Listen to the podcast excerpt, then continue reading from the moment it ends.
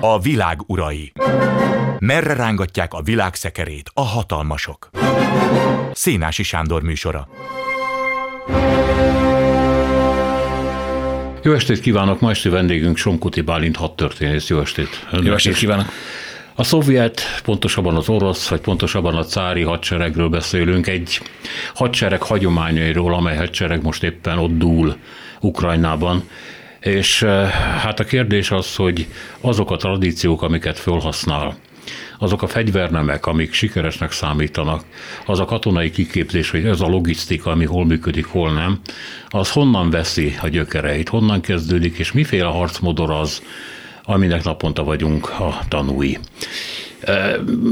Helyesen teszem, egybe mosom meg picit ezt a három korszakot, a cárit, a szovjetet, meg az orosz? Igen, nagyon komoly hagyományai vannak az orosz fegyveres erőknek, és gyakorlatilag túlzás nélkül állítható, hogy Nagy Péter 18. századi elejé nyugatra fordulása óta törekszik az orosz vezetés egy modern, nyugati szempontból is modern hadsereg kialakítására. Ugye egyik, ennek az egyik első eleme a Nagy Péter győzelme volt Poltavánál 1709-ben 12. Károly svéd serege fölött, ami gyakorlatilag nagyon komoly tényező volt abban a korszakban, azon, azon a régióban.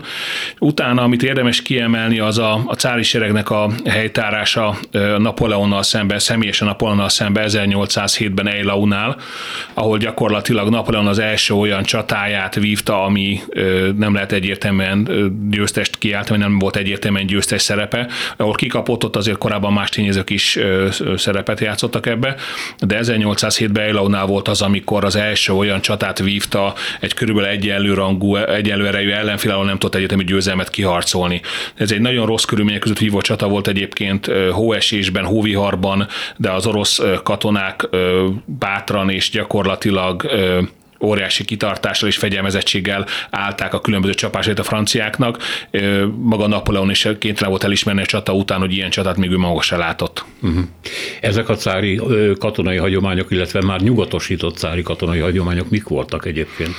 Gyakorlatilag ez az óriási tömegekre, illetve a tüzérségnek a maximális használatára való törekvés volt. Ugye célszerű megemlíteni a cárágyút, amihez méretű tüzérségi eszközt utána több mint két-háromszáz évig nem készítettek. A 16. században században készült óriási méretű ágyúról van szó egyébként. Tehát amióta létezik tüzérség, azóta mondhatjuk azt, hogy az oroszok szerelmesek voltak belé, és például a szabadságkasz leverésekor is látszott, hogy egy-egy orosz alakulatnak, egy hadosztálynak vagy egy hadtestnek másfélszer, kétszer akkor a tüzérségi eszköz, eszközparkja volt, mint a vele összevethető méretű, akár osztrák, akár magyar, mondjuk magyar hadsereg ilyen szempontból nem volt úgy jól ellátva a magyar honvédség, de mondjuk akár a francia vagy a, a brit hadsereghez képest is jelentősen nagyobb létszámú tüzérségük volt. Tehát, a, a, hogy mondjam, csak a katonai anyag, a, a sokasság, a tömeg már kezdet kezdet igen, fontos Igen, volt. igen, tehát sokan van, mint az oroszok, ez itt, itt már jelentkezett.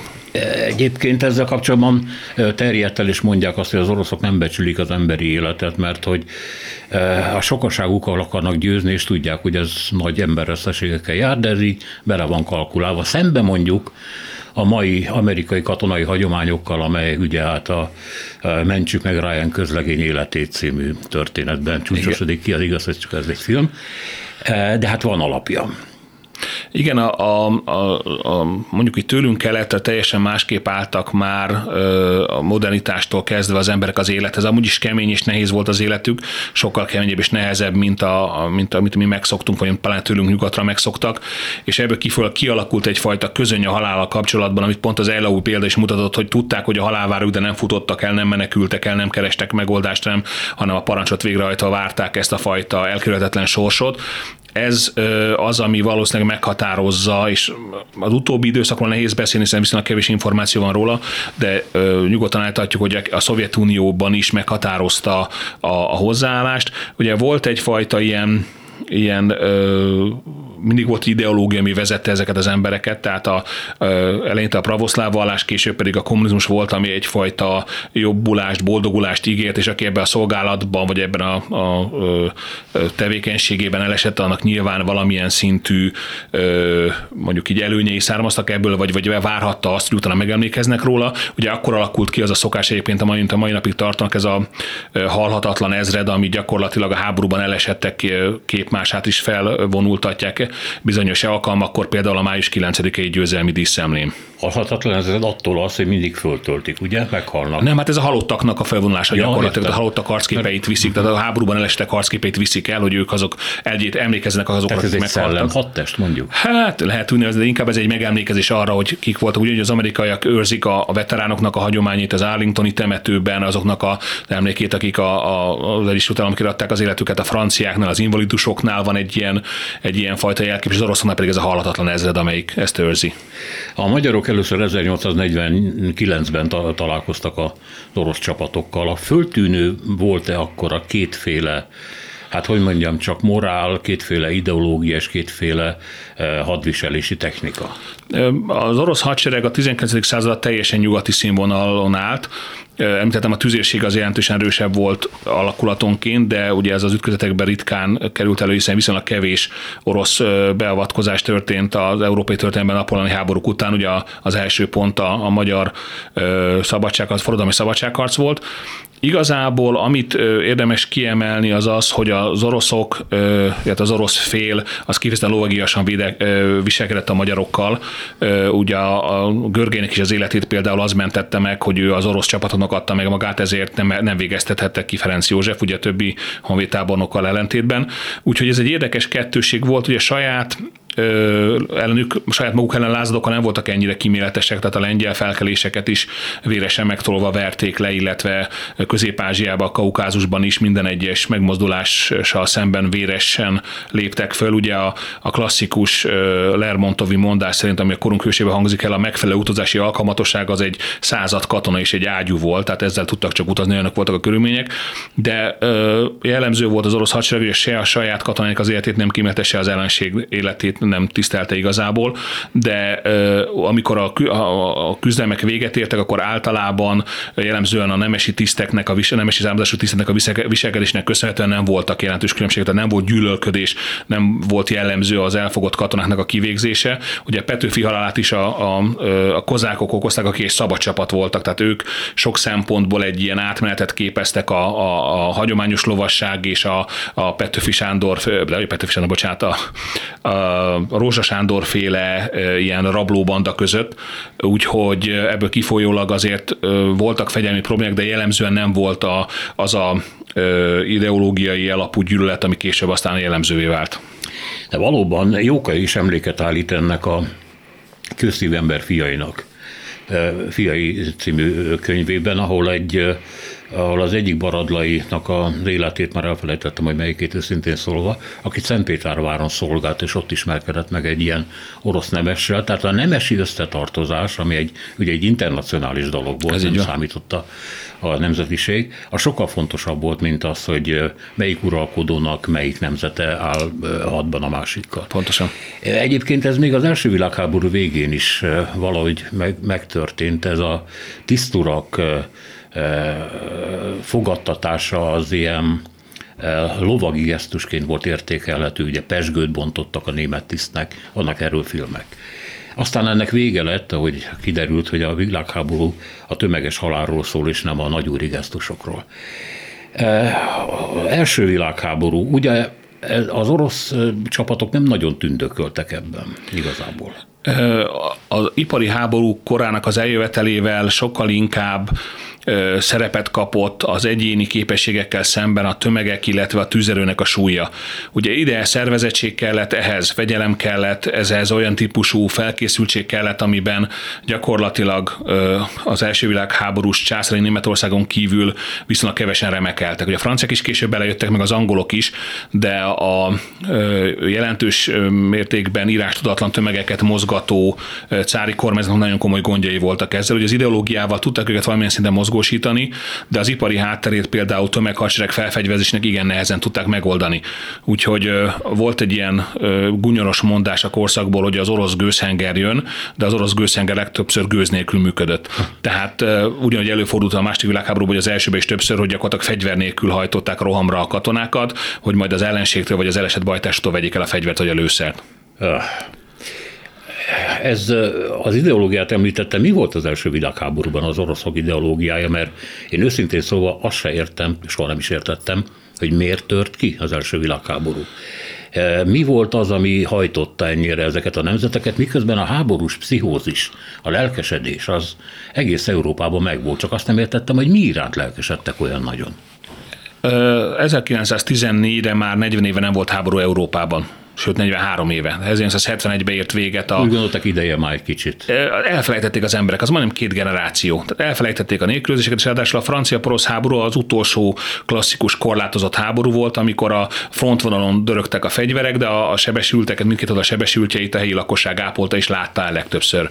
Ugye az 1859-es ö, porosz, ó, bocsánat, ö, osztrák, ö, olasz, illetve osztrák szárd, valamint ö, francia háborúnak a, a mai szállása nyomán születik meg a Vörös Kereszt, tehát egészen addig lényegében a helyi lakosságra hárult ez a feladat, és ezek a a háborúk jelentően úgynevezett csatamezőkön dölt, döltek el, távol a városoktól. Nagyvárosoknak ugye az, az első ostromára Párizs 1871-es ostromakor került csak sor.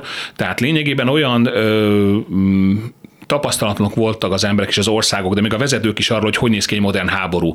Tehát a, a technikai fejlődést, a géppuskának a megjelenését, a tömeghadseregeknek a fejlődését, a, a tüzérségnek a fejlődését egész nem tudták belekalkulálni, és ugye mindenki úgy indult, hogy a, a második Vilamos csász is úgy, indult, úgy indította el a, a seregeit, hogy kirándulás Párizsba, mire a falevelek lehullanak, a seregek itthon lesznek. Uh-huh. Tehát gyakorlatilag ez mindenkiben volt egyfajta ilyen téves, romantikus elképzelés, hogy ez a háború ugyanolyan lesz, mint a, mint a korábbiak voltak, amire csak sokkal később döbbentek rá. Ráadásul az oroszok komoly meglepetést okoztak azzal, hogy a német, illetve az osztrák tervekkel szemben nem két-három hónapig tartott a mozgósítások, hanem kevesebb, mint négy hétig. De mi volt az, ami a, amit az orosz katonáknak mondtak? Mit védenek azzal, hogy támadnak?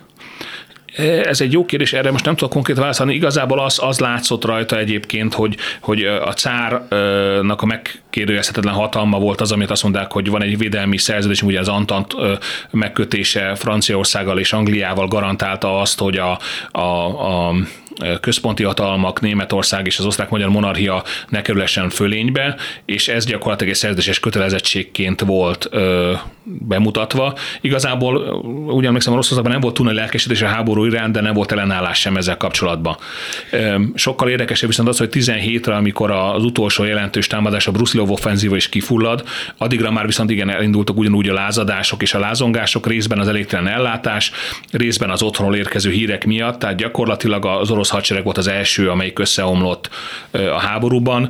Nyilván a francia hadseregben is voltak 17-ben nagyon komoly lázadások, amiket számtalan, több száz halásítélettel sikerült csak megszüntetni, de ekkor még a francia hadseregben sikerült helyreállítani a rendet, viszont az orosz birodalom összeomlott, a cári birodalom összeomlott ennek köszönhetően. A bolsevik sikereket többek között azzal magyarázzák, hogy két nagyon jelentős követelés álltak elő, ugye a földosztás, a másik pedig, hogy a háborút be kell fejezni, és a katonáknak haza kell menni. Pontosan. De haza mehettek a katonák, hiszen elkezdődött a polgárháború, a fehérek és a vörösök csatái, a csatáinak tízezre ezen a végtelen, hatalmas nagy területen, ami aztán a későbbi Szovjetunió lett, úgyhogy, mert hiszen e, nem csak Oroszországban harcoltak, hanem elmentek Lengyelországba, ugye jelen voltak Kemal Atatürk mellett a e, frissen létrehozott örmény szocialista köztársaság elleni akcióban is, úgyhogy rengeteg katona kellett nekik. Igen, ez egy nagyon érdekes kérdés, és nagyon jó a párhuzam is mm, a Magyar Tanácsköztársasággal itt szeretném hozzátenni, hogy amiről beszélünk, és amilyen pozitív dolgokról beszélünk, az nem támogatást, hanem leírást jelent. Tehát minden egyes hadsereget csak a saját környezetébe érdemes elemezni, és a saját korszakának megfelelően. Tehát úgy a, a vörös hadsereg, mint a tanácsköztársanak a vörös hadserege lényegében nagy mennyiségben önkéntesekből állt, vagy olyan, olyan harcosokból, akik látták azt a célt, amit maguk elé tűztek ki. Tehát a korábbi rendszerek sorozott katonáival szemben a többségüknek a, cél az elérhetőnek tűnt. Tehát nem véletlen, hogy akár jelentős létszámfölényel szembe például a, a vörös, magyar vörös hasság képes volt felvidéki részét visszafoglalni és kikiáltani a, a szlovák tanácsköztárságot. Onnantól kezdve változott meg a tanácsköztársaság katonai helyzete is, hogy lényegében a a politikai háttér ingott meg és szűnt meg, és onnantól ez a harci kedv is jelentősen csökkent. Tehát a, a, a Szovjetunióban is hasonló volt a helyzet. Egyrészt a, a francia forradalomhoz hasonlóan elkergették a nemesi származású tiszteket. Páratlan, a történelme páratlan módon, vagy a modern történelme páratlan módon föl, megszüntették például a rendfokozatokat és a kitüntetéseket egy időre. Tehát abszolút eluralkodott ilyen egalitáriánus szellem a hadseregben, amit később kiderült, hogy nem vált a, a fegyveres erőknek az elényére, és később visszahozták mind a kettőt a rendfokozatokat is, illetve a kitüntetéseket is, de volt egyfajta olyan lendület, egy olyan elánja ennek a, ennek a ö, fegyveres erőnek, amit a többiekből hiányzott. Tehát a fehér csapatok is addig harcoltak, és addig harcoltak szervezeten is lelkesen, amíg a saját területüket, a saját a, mondjuk így szülőföldjüket védték, utána a távolabb kerültek, onnan már nem voltak annyira lelkesek. Tehát hihetetlen mostanra ez a fajta gondolat, de, de volt egyfajta olyan pozitív változást ígérő attitűd az egész ideológiában, ami azt mondta, hogy most már pedig jobb korszak jön, hiszen a múlt, múlt, vagy a múlt az annyira rossz volt, hogy ennek csak jobb jöhet. És ez egy olyan erőt adott a, a, a katonáknak, ami sokszor a, a többszörös túlerővel szembe is sikeresítette őket. Hát igen, aztán jött egy évtized múlva a sztálini korszak, a már mint a keményebb része, és akkor ezek a remények hát enyhén szólva is elhervadtak. A szovjet hadseregnek volt nimbusza nyugaton. Részén nem igazán tudták, hogy hogy működik, és hogy mekkora erőt képvisel, hiszen a, a rendszer, egy diktatórikus rendszer volt áttitkolózó, Másrészt viszont valóban a világ leghatalmasabb területi országáról volt szó, és hát a vörös veszedelem egy olyan méter volt, amitől a nyugat azért is retteget, mert hogy a helyi munkásmozgalmakban, kommunista pártokban vagy szocialista pártokban fölüthette a fejét, és a Moszkva barátság az egy elterjedt jelenség volt egészen addig, amíg a, ugye a nagyperek híre nem terjedt el, de még, még ezen túl is tartott. Szóval ennek volt-e alapja? Egyáltalán mi különbözteti meg a szovjet hadsereget a cáritól?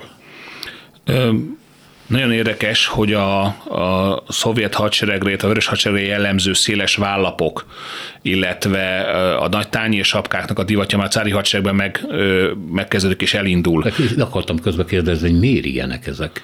Hát ez egy, ez egy a, hogy a mérletek ilyen magasak, azt nem tudom megmondani, nyilván hozzájár ugyanúgy, hogy az összes sisakon kipörő korábban volt forgó, hogy magas annak mutatsa a viselőjét. Aha. Tehát van ennek egy pszichológiai hatás, és most már abszurd méreteket öltött egyébként, tehát teljesen ö, ö, mondjuk nevetségesek ezek a nagyon széles tányérsapkák, hagyomány tiszteletből valószínűleg ragaszkodnak hozzá, de nagyon sok mindent átvettek a cári hadseregből, tehát a rendfokozatokat, a, a, a kinézetüket, az egyenruházat azért jelentősen megújult.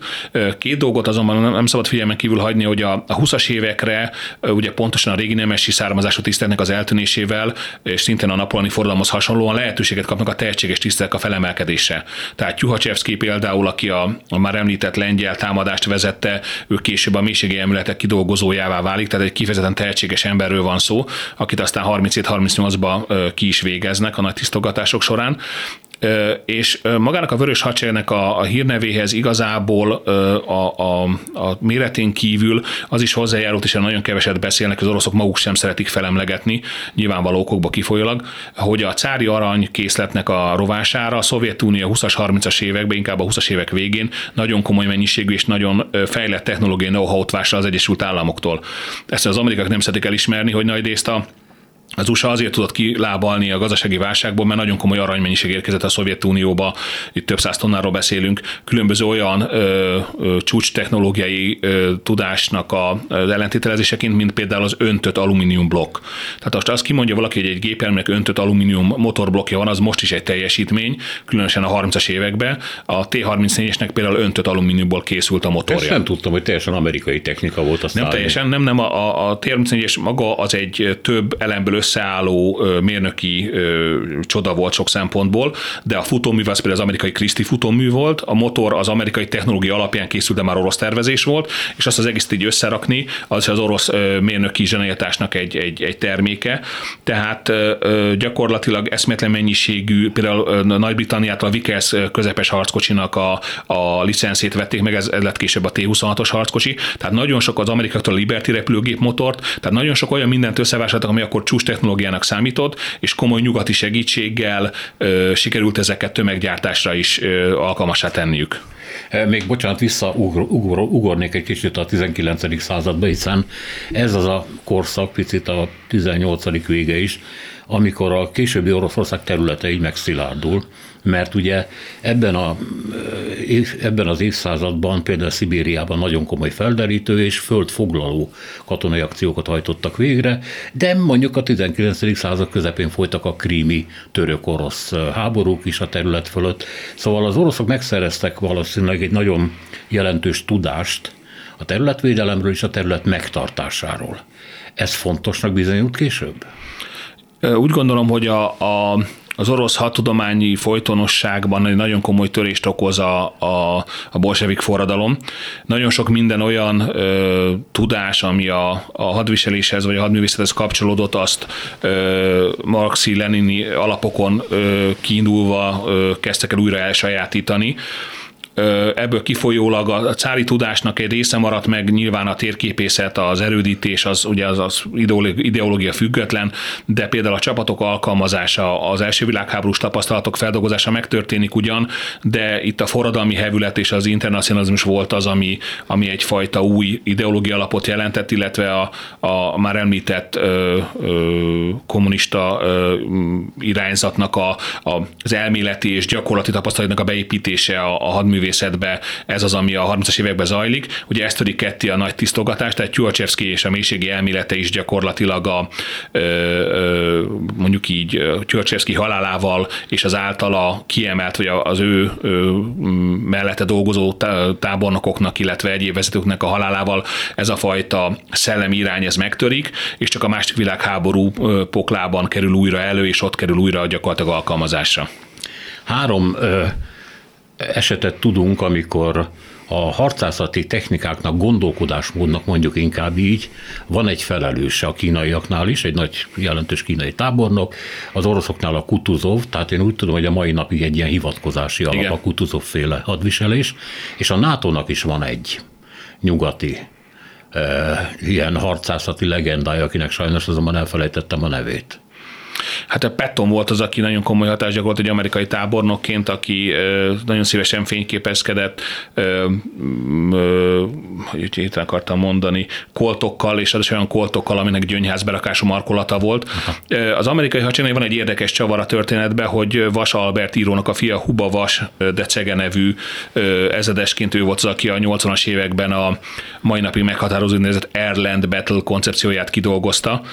Visszatérve az oroszokra, Suvorov volt az, aki komoly hadelméleti munkát végzett, de ő leragadtan, hogy a bajonetta hős, a golyó meg buta, Aha. tehát ő abszolút a frontális bajonett rohamokat erőltette még egy kicsit korábbi felfogást gyakorolva.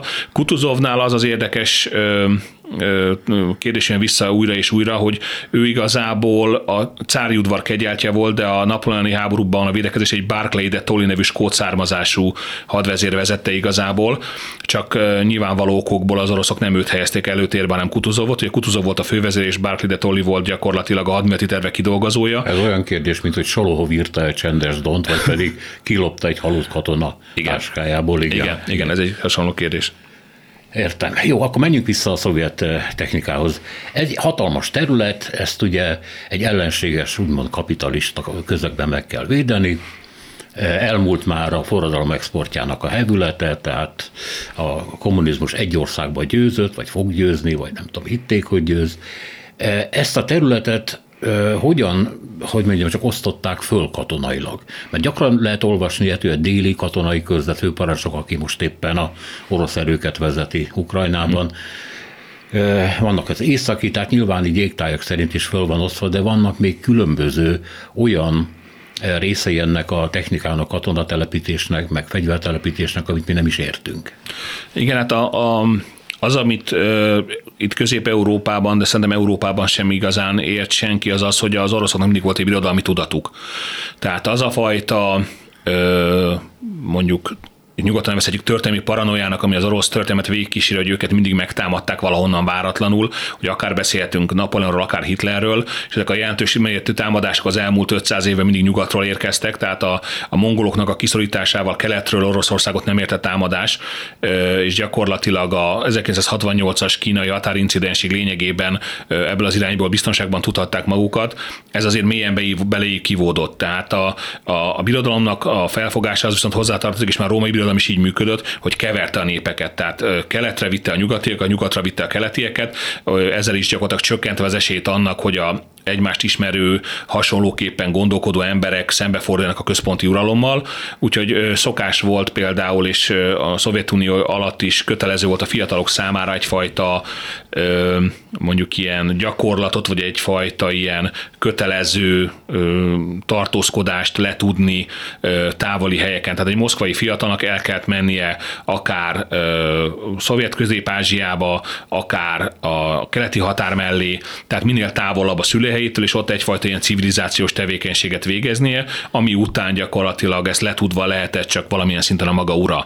Na most ez működött katonai szinten is, katonai közletekben volt egyébként a Szovjetunió általában szervezve, és ezeknek mindig volt egy parancsnoka, aki azonban elég kevés önállósággal rendelkezett, mert a, a, a párt kontroll miatt, ugye Stalin is azért rendelt el 37-38-ban a, a, a nagy tisztogatást, ahol lényegében a katonai vezetésnek több mint 95%-a áldozatul esett, és ráadásul kiképzett komoly tapasztalata rendelkező parancsnokok estek áldozatul, mert attól félt, hogy a hadsereg az egyetlen olyan erő a Szovjetunióban, ami képes lehet leváltani őt, és ezért le kellett fejezni, és hozzá teljesen hű, azonban teljesen alkalmatlan emberekkel kellett helyettesíteni őket. Tehát ez a fajta központi irányítás, ez a központi szemlélet, ez mindig is létezett. A technikáról még ejtsünk pár szót, ha már említette a zseniális orosz mérnököket. Ugye a, a, a, a cári időszakban kezdődött még az a orosz rakéta mérnököknek az a példátlan pályafutása, Ciolkovszki, ugye ezt mindenki tanulta a általános iskolában annak idején, ami egy nagyon fejlett technikára és technológiai tudásról tett tanúbizonyságot, ami mögött azonban nem volt igazából ipar. Ez nem igen. volt egy olyan közép, amelyik Tsiolkovszki rakéta kísérletét, hogy mondjam, tudta volna hasznosítani. Na most a, a Szovjetunió léte az erőltetett modernitásra, modernizációra épült. Utolérjük a nyugatot, stb. És akkor épültek a hatalmas vízi erőművek, a gyárak, stb. stb. Megteremtődött a katonaiparnak a bázisa. És ez ugye bizonyítást nyert, mert valóban műholdakat lőttek föl, valóban eh, kifejlesztették a atomrakétáját, stb. stb. Csak ez soha nem ment át a polgári iparba. Szemben az Egyesült Államokkal, ahol a NASA kifejleszt valamit, vagy éppen egy, vagy a Boeing, abból holnap már forradalom lesz mondjuk a főzőedények piacán. Ezért mondtam azt, hogy a hadseregeket nem szabad és nem is lehet függetlenül a környezetüktől elemezni és nézni. Van egy ilyen mondás, hogy minden egyes hadsereg az őt kiáltó társadalom tükörképe. Tehát a, a Szovjetunió és később, a, vagy korábban az Oroszország és később a Szovjetunió is azzal küzdött, hogy a lakosság túlnyomó többsége írás tudatlan volt. És ez különösen az ipari forradalom kora után óriási problémát jelentett. Az USA gyakorlatilag a, a, tömeges bevándorlás támogatásától kezdve egy brain drain folytatott, tehát a minőségi elméket vonta el, és a többsége, aki bevándorolt az Egyesült Államokba, már, írt, már tudott írni, tehát az Egyesült Államoknak nem kellett arra költenie, hogy megtanítsa írni, olvasni a lakosságát, mert már úgy érkezett az Egyesült Államokba, akik utána a saját gyerekeket is megtanították írni, olvasni. Ugye már a, a 19. század végén jelentős gondot okozott az, hogy írástudatlan parasztok tömegeit kell először írni, megtanulni, meg olvasni, és utána lehet csak átképezni őket modern eszközökre. Ugye ez a második világháborúsan is folyamatosan problémát jelentett. A másik, ami gondot okozott, az az volt, hogy ahogy említett, az ipari háttér az, az sok szempontból hiányzott, és még olyan eszközöknél is, például, mint a T-34 is, ami tényleg a korának kiemelkedő harckocsia volt, ott is a háború végig nem került beépítése például a rádió. Illetve a beépítése került, akkor az pedig csak vételre volt alkalmas, adásra nem. Ha. Egyébként me, mekkora volt a katonai költségvetés mondjuk a 30-as évek elején, és aztán amikor már a bukás szaga érződött, tehát ez a 80-as évek második. 20-25 százaléktól egészen 17 százalékig terjedt ez az arány, mindig az adott vélelme az 5 éves tervnek megfelelően. Ugye nyilván ez utólagos számolás, csak a pontos számokat valószínűleg fogunk megtudni, de az Egyesült Államoknak a különböző szakértő szervezetei úgy számoltak, hogy a 30-as években, amikor az erőltetett fegyverkezés folyt, akkor ez a 25 ot is elérhette, és a szovjet Szovjetunió végén, amikor tényleg már az utolsó időszakban már a túlélésért küzdött, akkor is meghaladta a 15% ot Ez soknak számít? Ez nagyon sok. Mennyi mondjuk a nyugati átlag? Az mondjuk Állam... most, mert most ez félrevezető, hogy most, most arról mhm. beszélünk. Az Egyesült Államoknak a védelmi költségvetés az 5-10 százalékot ritkán haladta meg. Hát már úgy a, a múltban is. Igen, igen, Tehát igen. A igen. sem volt ennél sokkal magasabb.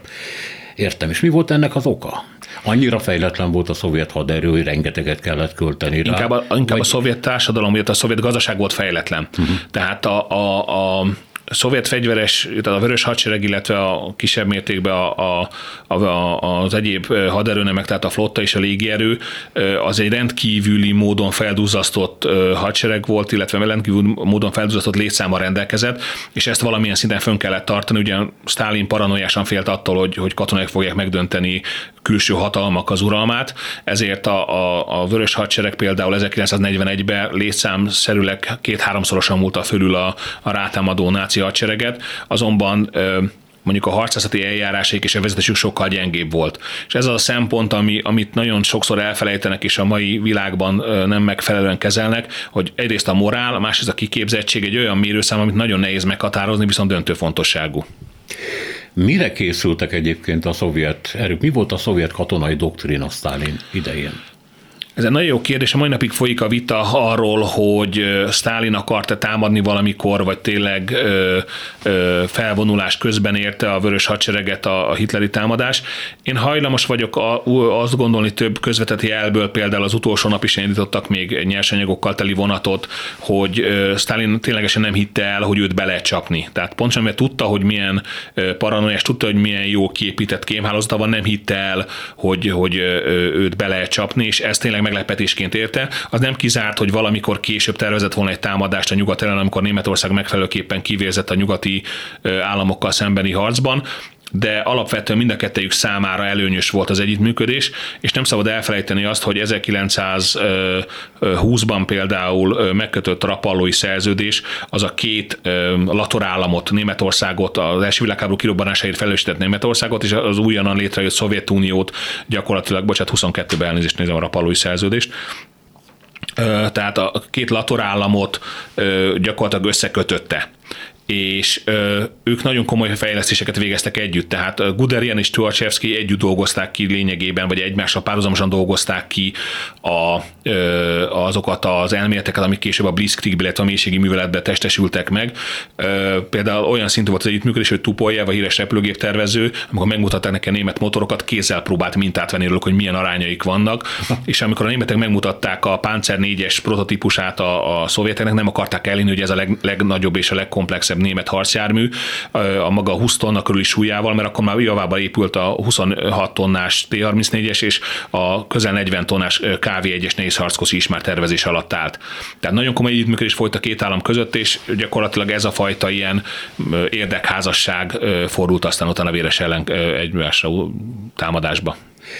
A második világháborúval kapcsolatban mondom a sztereotípiákat, amik így a társadalomban az emberek fejébe vannak, már ha van egyáltalán valami, is nem veszett már ezzel. Ez egyik, ez a e, mondjuk egy ilyen nyugat felé törő szovjet hadseregnek a története, ami talán a belorusz mocsarakban játszódik, ahol e, nagyon e, okos dolog lett volna előre törni, mert a németek ezt az útvonalat nem ellenőrizték, csak hát a mocsárban ugye sokan haltak meg. És a tábornokok hajtották előre a hadsereget azzal, hogy hát nem baj, majd a bajtársaink hátán megyünk át. Ez így terjedt el, nem tudom, hogy mennyi ebből a mendemonda, és mennyi a katonai tény. A másik az a komiszárok esete.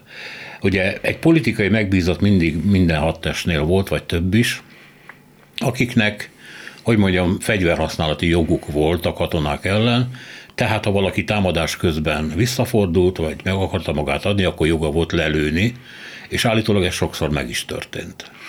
Tehát a, az első kérdésre Zsukov Marsalnak egy válaszával reagálnék, amikor megkérdezték tőle az amerikaiak, hogy nekik nagy gondot okozott a, a, a módszeresen lerakott és tüzérség által védett aknamezőknek a, a megszüntetése, akkor az oroszok milyen megoldást használtak.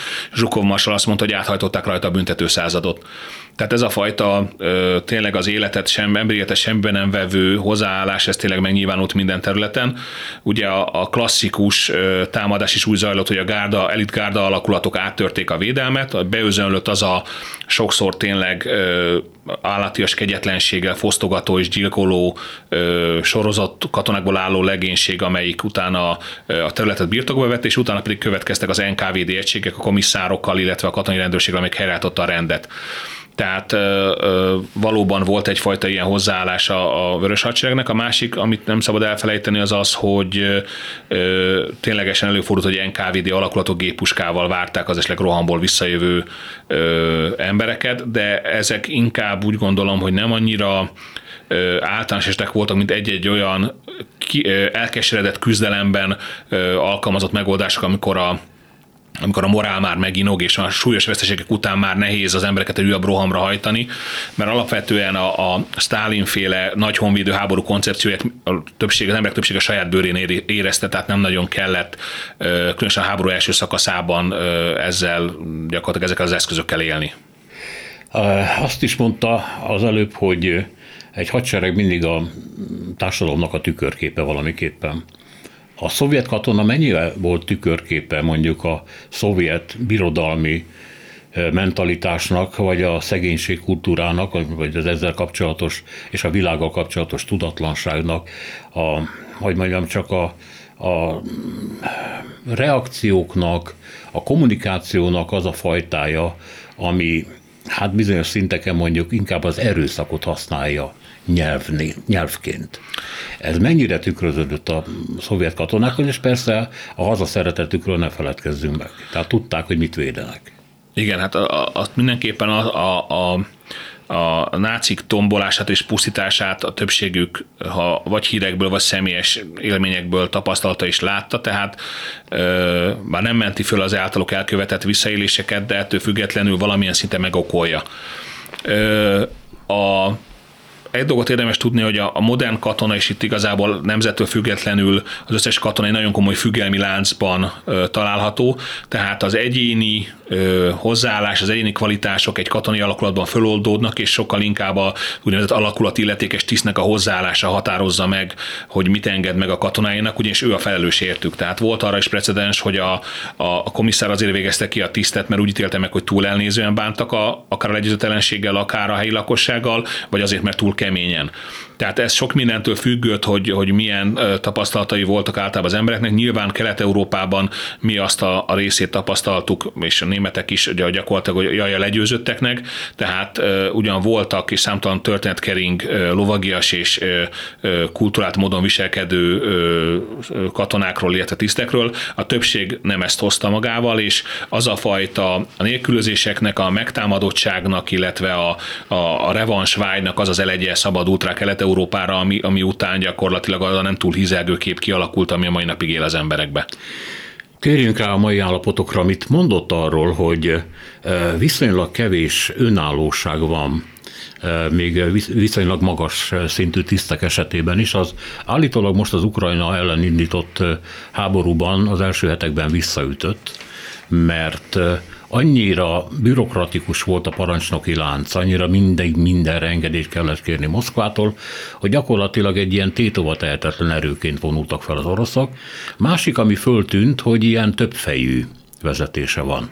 Ugye most lett egy tábornok nemrég az egésznek a parancsok, de eddig nem volt feje ennek a, ennek a dolognak. Szóval az biztos, hogy valamiféle nagyon erős, korábban is jelenlevő bürokrácia, a bizalmatlanság, a egyébként döntéshozásra alkalmas tisztekkel kapcsolatban, és hát a motiválatlanság, ami nagyon föltűnik a viszont a katonáknál. Kicsit távolabbról hadd kezdjem. A, a Szovjetunió felbomlása után óriási gazdasági válságba került Oroszország, és volt olyan, hogy a, a tisztek, ugye, akik az egyetlen hivatásos állomány volt, hónapokig nem kaptak fizetést. Körülbelül 2000-ig a szovjet stílusú hadsereget vitte tovább Oroszország, például hiányzott belőle az úgynevezett altiszti állomány.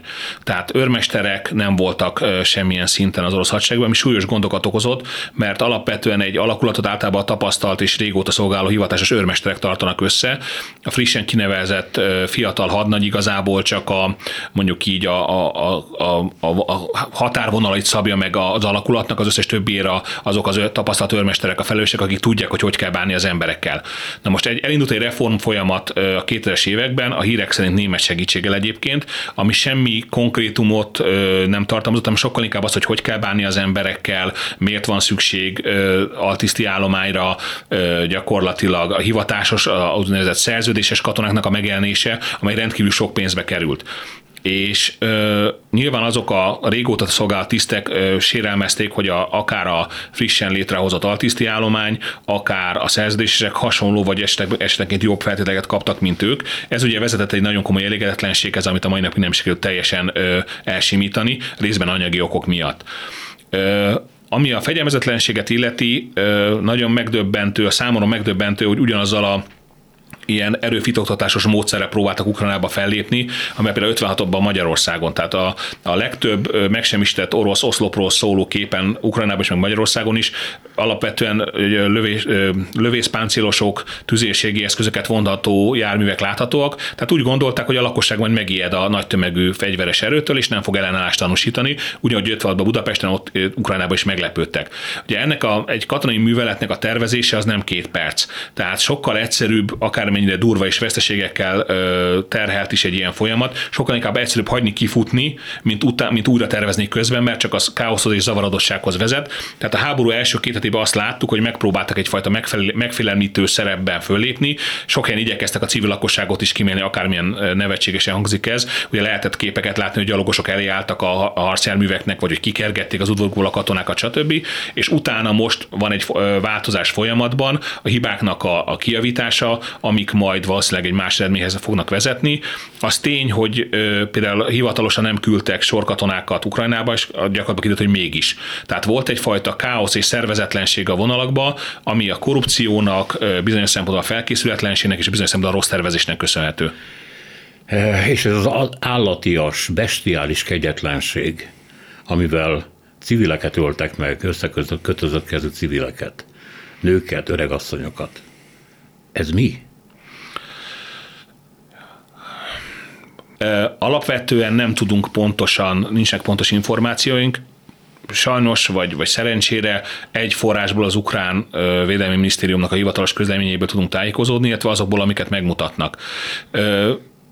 Ugyanúgy, ahogy a, a nemrégiben elsőt Moszkva cirkáló esetében is nem láttunk tényleges kivégzéseket, nem azt mondom, nem voltak félretés ne essék de ö, ö, vannak egyes vélemények, amelyek szerint a, például a Bucsába kivégzett ö, ö, civileknek egy résznek a karján fehér szalag látható, ami az orosz támogatásra utal. Tehát én azt mondom, hogy korai egyenlőre ö, egyértelműen állást foglalni azon a területen. Ugyanúgy a Katyini mészárlás is egy nagyon komoly nemzetközi vizsgát előzte meg, és utána költ megállapítás, hogy ki volt a tettes. Ugyanígy azt mondom, hogy várjuk meg a, az eredményeket. Természetesen jó eséllyel az oroszok voltak, tehát nem vitatom az ukrán állításokat, de, de nagyon hamar megszülettek nagyon sommás ítéletek. Például a kokáért a, a kevésbé szerepel a hírekben, hogy komoly partizán tevékenység zajlik több ukrán területen. A partizán tevékenysége vagy a gerillákkal szemben sajnos a, az állandó reguláris hadseregek csak így tudnak fellépni. Tehát azon a területen, ahol gerilla hadviselés indulott, a civil lakosság szenvedni fog ez ellen az amerikaiak sem tudtak mit tenni se Afganisztánban, se Irakban, és számos ilyen területet tudnék felhozni.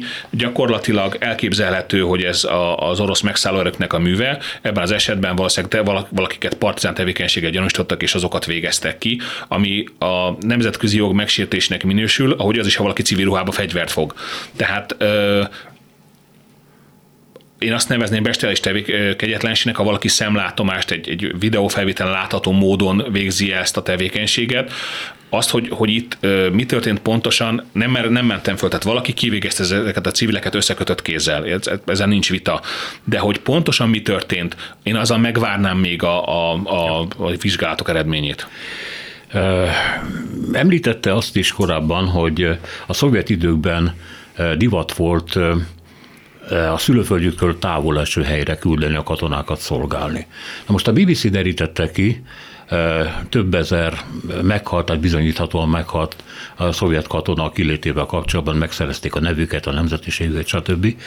Tehát kiderült, hogy nagyon nagy részük, azok nagyon szegény vidékről származik, ezek ugye nem besorozott katonák föltétlenül, hanem olyanok, akiknek az esetében a hadsereg az egyetlen megélhetési lehetőség. És szintén nagyon sok esetben ezek ilyen nemzetiségi körzetek, kis nemzetiségi, tehát mondjuk déloszétok, vagy burjátok, akiknek mert ugye sokan csodálkoztak, hogy hogy tudták a, az a, a ukrán testvéreikkel, hogy tudtak így bánni az oroszok, hát egy részük nem volt orosz, Igen. vagy nem orosz. És nekik ugye a kievírus nem mond semmit. Ez így van. De ez is egy nagyon undorító, hogy mondjam, csak eljárás Putyinék részéről. Beáldozni a szegényeket, a nemzetiségieket, ugyanaz, mint amit Zsukov mondott, hogy előre küldjük őket Igen. a mezőre. Egy dolgot egy dolog vitathatóan biztos, hogy az orosz hadsereg az agresszor ezen a, ebben a konfliktusban, és a nemzetközi joggal gyakorlatilag összenemegyeztető módon lerohant egy másik országot. Tehát ez, ez vitán felül áll. Innentől kezdve viszont minden olyan kérdés, ami a, a részletekre vonatkozik, az katonai szempontból, nem politikai, nem erkölcsi, katonai szempontból egy másik eljárás alá esik. Tehát az összes olyan hadsereg, amelyik több nemzetiségű volt, igyekezett a kisebbségeket előre küldeni, és a saját élőreit védeni. Ilyen, például, ilyen volt például az osztrák-magyar monarchia is például, ugye nagyon sok huszárezet harcolt 1848-ban az, osztrá, az olasz felkerés ellen például.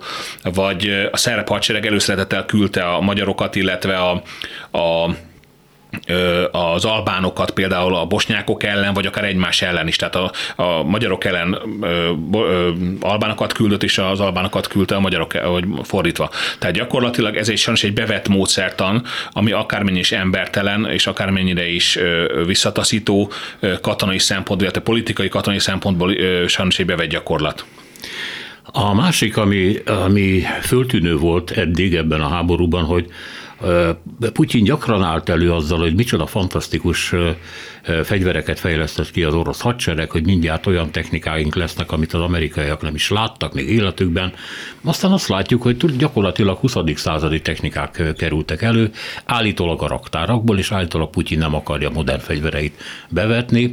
De hát ez nem biztos, hogy igaz, mert arról szóltak hírek, hogy a háború első napjaiban, heteiben ilyen precíziós technikákat próbáltak használni, azt amikor kiderült, hogy ezek fejletlenek, ezek nem működnek, ezek rosszul működnek.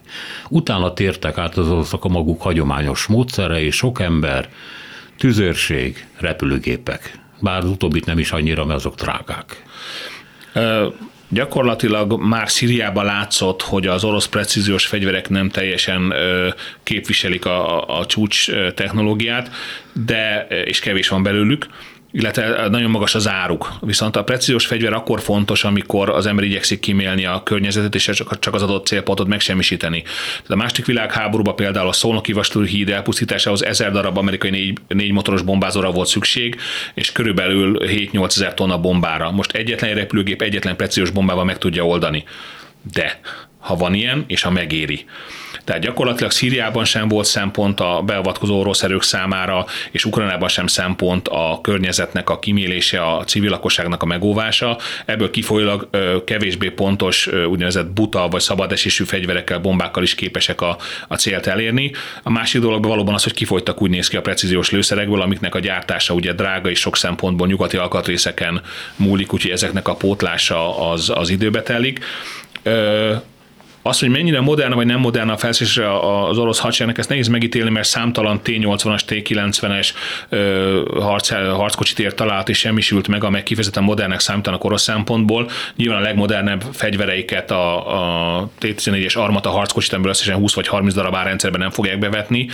Úgyhogy igazából az orosz hadsereg sok szempontból még valóban a 20. századi felszereléssel harcol, és a, a harceljárásaik is sokszor, ahogy említette, a, a szervezetlenségről, a fegyelmezetlenségről, illetve az átgondolt átgondolatlanságról tanúskodnak.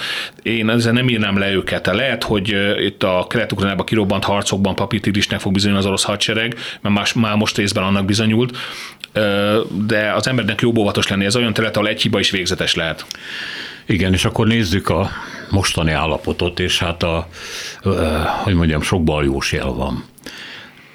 Az egyik, ami kérdés, hogy a, a, nagyon későn szállítani kezdett nehéz fegyverek eljutnak az ukránokhoz.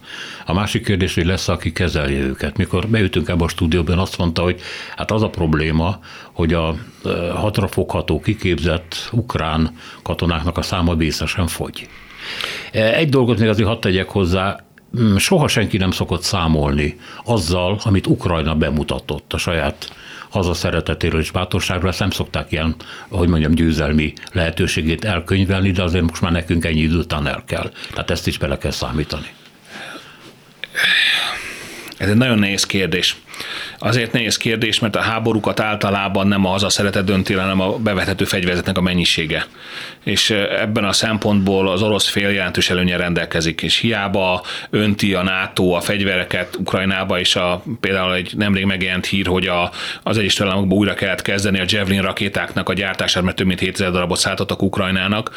Ettől függetlenül a, a nagyon nehéz megítélni egy háború kimenetelét, és nagyon az ember, különösen magyarként nagyon szurkol minden egyes nemzetnek, amely a szabadságáért harcol, hiszen pontosan tudjuk, hogy, hogy milyen drága a szabadság, és milyen nehéz hozzájutni, de, de egy, egy modern, különösen ipari háborúban ott a, a bevetett technikai eszközöknek a száma és, és, és a, a minősége is fontos, de és alapvetően ezek fogják eldönteni a konfliktusnak a, a, a végeredményét.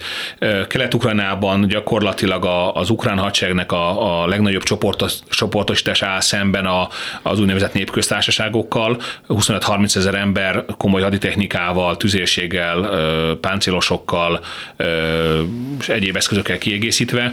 Hogyha ez, ez az erő ez elvész, mondjuk egy orosz bekerítésnek az eredményeképpen, akkor nagyon-nagyon nehéz helyzetbe kerül Ukrajna. Nagyon korai lenne még arról nyilatkozni, hogy, hogy mi lesz a végkifejlet, de én, én azért aggódom. Köszönöm szépen, hogy itt volt velünk. Köszönöm szépen. Sonkuti Bálint hadtörténész volt a vendégünk a elmúlt több mint 50 percben. A műsort Selmeci János szerkesztette, a műsorvezető Szénási Sándor volt. Köszönjük a figyelmüket, minden jót. Köszönöm szépen.